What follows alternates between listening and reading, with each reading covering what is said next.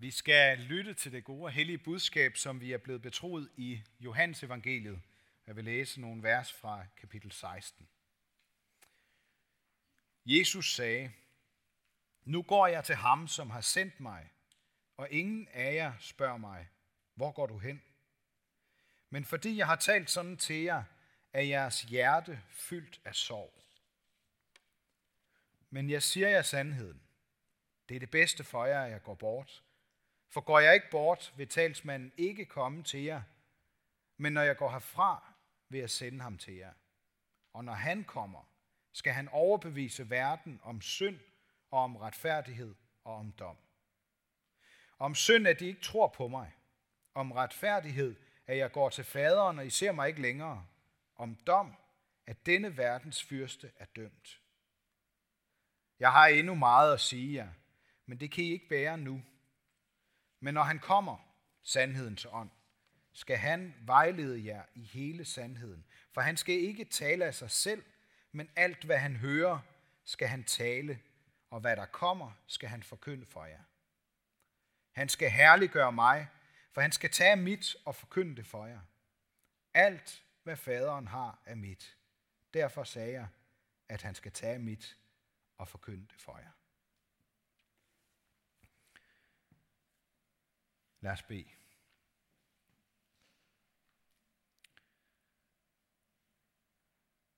Skab et rent hjerte i os, Gud.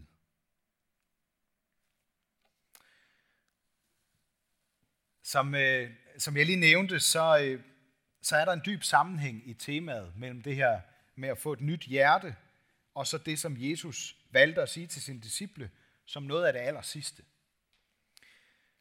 Deres hjerte blev fyldt af sorg, står der, da Jesus fortalte dem, at han skulle afsted. Og det tror jeg godt, vi kender, den følelse. Det svære i at tage afsked og følelsen af sorg i hjertet. Og i virkeligheden så er det næsten altid sådan, vi bruger den her hjertemetafor. Ikke? Det, handler om, det handler om følelser. Vi skal have hjertet med i det, siger vi, eller det, øh, det skal føles rigtigt. Vi kan snakke om at, at have hjertesover, eller et knust hjerte. Øh, det hele tiden kredser om det her med, med følelser. Og derfor, det, det gør os i virkeligheden, øh, det gør det svært for os at forstå, hvad det er, Jeremias hentyder til med det der stenhjerte, der skal skiftes ud med et kødhjerte. Øhm, det lyder måske lidt makabert. Det har i hvert fald ikke særlig meget med følelser at gøre. Vel? Der sker simpelthen et voldsomt skift. Der er sådan et før og et efter. Man kan ikke gå tilbage igen efter en hjertetransplantation. Det er ligesom, så er det gjort. Der er altså ikke tale om bare sådan et, et bevæget hjerte eller et, et berørt hjerte, men om et helt nyt hjerte, et helt nyt centrum, et helt nyt liv. Det er det billede, skal få os til at, at tænke på. Og fra, allerede fra kirkens første tid, så har man altså set en sammenhæng mellem Jeremias profeti og det, som Jesus taler om. Det er derfor, vi har de to tekster øh, samlet i, øh, i øh, tekstrækken i kirkeåret, sådan som, som vi har det her i dag. Øhm, altså, at ånden skal komme og forvandle menneskers liv og gøre det radikalt anderledes. Giv mennesker et nyt hjerte. Paulus er jo et tydeligt eksempel på, hvad der kan ske, når Gud giver et menneske et nyt hjerte. Så ændres kursen fuldstændig. Det, som Paulus satte alt ind på at forfølge og fange de kristne, det blev vendt til en vision om at følge Jesus og sætte mennesker fri ved, at de fik et nyt hjerte og en ny vilje og en ny retning for deres liv. I bibelsk forstand, så er hjertet ikke øh, først og fremmest en metafor for følelsernes sted. Sådan som, øh, sådan som vi er vant til det, som vi øh, umiddelbart tænker sådan i en, en græsk, europæisk øh, forståelse. I hebraisk forståelse, der er hjertet som samlingssted for alt blodet i kroppen, der hvor alt blodet kommer igennem og bliver fornyet øh, det er et udtryk for det vigtigste og for det inderste. Det livgivende, det pulserende centrum for menneskelivet. Det sted alt kommer forbi. Og derfor så, så har blodet også sådan en helt central og hellig betydning. Blod kan rense menneskers oprør og uvilje mod Gud. Det kan man læse en hel masse om i det gamle testamente, om, om dyrs, altså offerdyrenes blod. Og, og det fortsætter også i det nye testamente. Der er det Jesu blod, det handler om, øh, som kan rense mennesker for, for synd. Nogle gange så siger Gud gennem sine profeter, at menneskers hjerte kan være dækket med fedt. Altså, at det, at det er fuldstændig umuligt at påvirke eller nå ind til. Og, og der tænker jeg egentlig, det er vel det modsatte af at have et hjerte fyldt af sorg. Så, så kan alt ligesom påvirke det. Hvis det er dækket med fedt, så, så er det det lige modsatte. Og så har jeg spekuleret lidt over, om det egentlig er værst at have et hjerte, der er dækket med fedt, eller det er værre at have et stenhjerte. Øhm, det ved jeg ikke helt.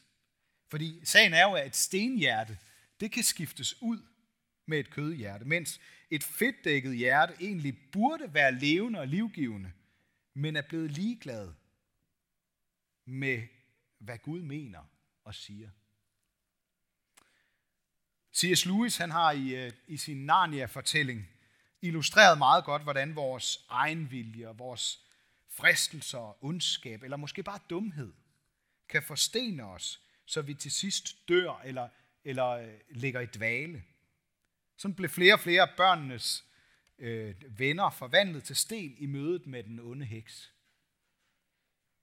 Jesus, hvis vi lige har det der billede for os, så er Jesus ude på at gøre den stik modsatte bevægelse. Som løven Aslan, der ånder på stenfigurerne, så de bliver levende igen. Sådan ånder Jesus på disciplene, efter han er opstået, og siger, modtag Helligånden. Han kan blæse liv i os, der hvor vi er fuldstændig ligegyldige eller, eller helt stendøde. Vores hjerte eller, eller vores inderste, skal vi ikke gå sådan og bekymre os om, at det pludselig bare dør. Det sker ikke pludseligt. Det sker lige så langsomt. Øh, umærkeligt. Så vi til sidst mister viljen til at gøre det gode. Jesus fortæller, at talsmanden, altså ham, der kommer for at tale vores sag over for Gud, han kommer også for at overbevise verden om synd, retfærdighed og dom. Altså synd, retfærdighed og dom. Og I kan næsten, I kan høre, tror jeg, hvor galt det går, hvis vi overser det midterste, altså retfærdighed. Hvis vi bare siger pyt med synden, pyt med alt det, der ikke er, som det skulle have været, så er der nemlig bare synd og dom tilbage. Synd, der fører til dom. Men det Jesus siger til sine sorgfulde disciple for at berolige dem, det er det, de har brug for at høre. Han siger, mange vil ikke tro på Jesus. De vil ikke tro på mig. Men det forhindrer ham ikke i at gøre det, som ingen andre kan. Han går til faderen for at gøre syndens regnskab op, så verdens fyrste kan blive dømt. Og det er jo klart, at hvis vi ikke vil høre tale om synd og skyld over for Gud, jamen så giver det jo heller ingen mening, at Jesus skulle tage straffen for det, hvis det slet ikke findes. Og så bliver dommen, det har jeg lyst til lige at, at, at, at have jer til at tænke med over her i dag. For hvad er det, der sker så? Så sker der nemlig det, at dommen og den endelige opgørelse af vores liv, på godt og ondt, det bliver til et spørgsmål om, at vi selv finder fred med, sådan som livet nu engang er, eller er endt med at blive. Altså, at vi dybest set gør alt, hvad vi kan for at ende med en god følelse omkring vores liv. Og det har slået mig, det har jeg ellers ikke kunne forstå før, at, at, at folk kunne sige, men måske er det den måde at tænke på, der kan få nogen til at sige, at de ikke fortryder noget som helst af, hvad de har gjort i deres liv. Fordi de så brændende ønsker og har behov for en god dom over deres eget liv. Og hvem af os har ikke det? Altså, hvem af os har ikke brug for at, at, at, at, kunne sige, jeg gjorde det godt nok.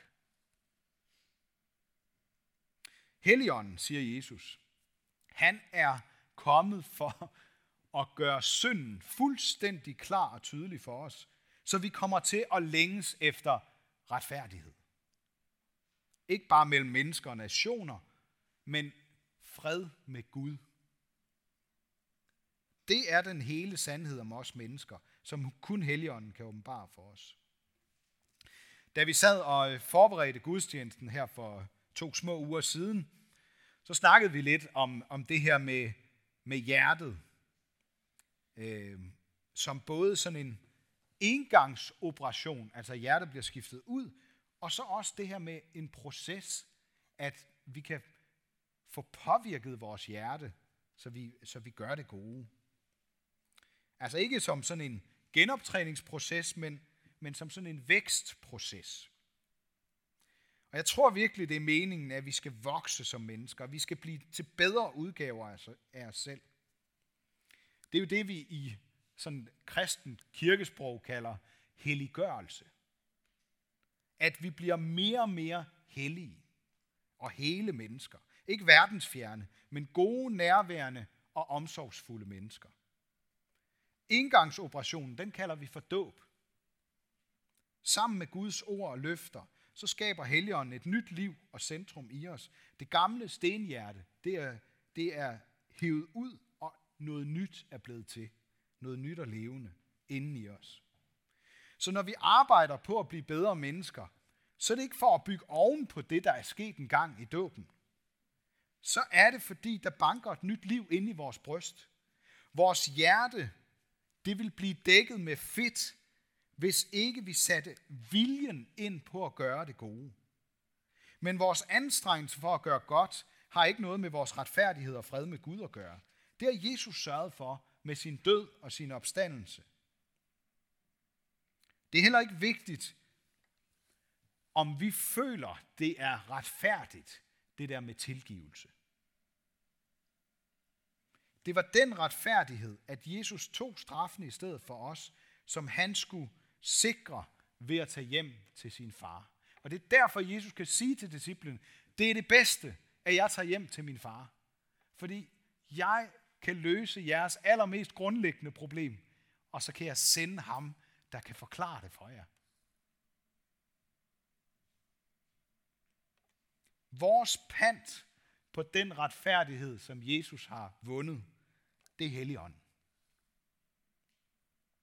Det er så fint, at vi i dag begyndte med at synge for himlens trone, der netop fortæller om Guds retfærdighed som en gave til os. Og lidt senere, så skal vi synge, Rens ud, flyt ind, jeg vil være hellig for dig. Og den sang handler ikke om retfærdighed og fred med Gud, men om den proces, det er, om hjertet, der banker for Gud, og som ønsker, at han skal rense og fjerne det, der gør os ligeglade med Guds gaver til os. Og så flyder Guds gave og processen med at leve et godt liv sammen i salmen, Min Jesus, lad mit hjerte få. En sådan smag på dig, at han, altså at Jesus bliver helt umistelig for sjælen. Det skal vi synge til sidst her i gudstjenesten. Jeg hørte for nylig øh, den danske sci-fi forfatter Olga Ravn fortælle, at, øh, at hun hader online butikker. Og det gør hun, fordi de altid har åbent. Og hun kan ikke lade være med at besøge dem. Og hun oplever igen og igen, hvordan hun kommer til at finde sin telefon frem og søge efter eller bestille noget, mens hun sidder sammen med gode venner og familie, eller har optaget noget, hun virkelig gerne vil.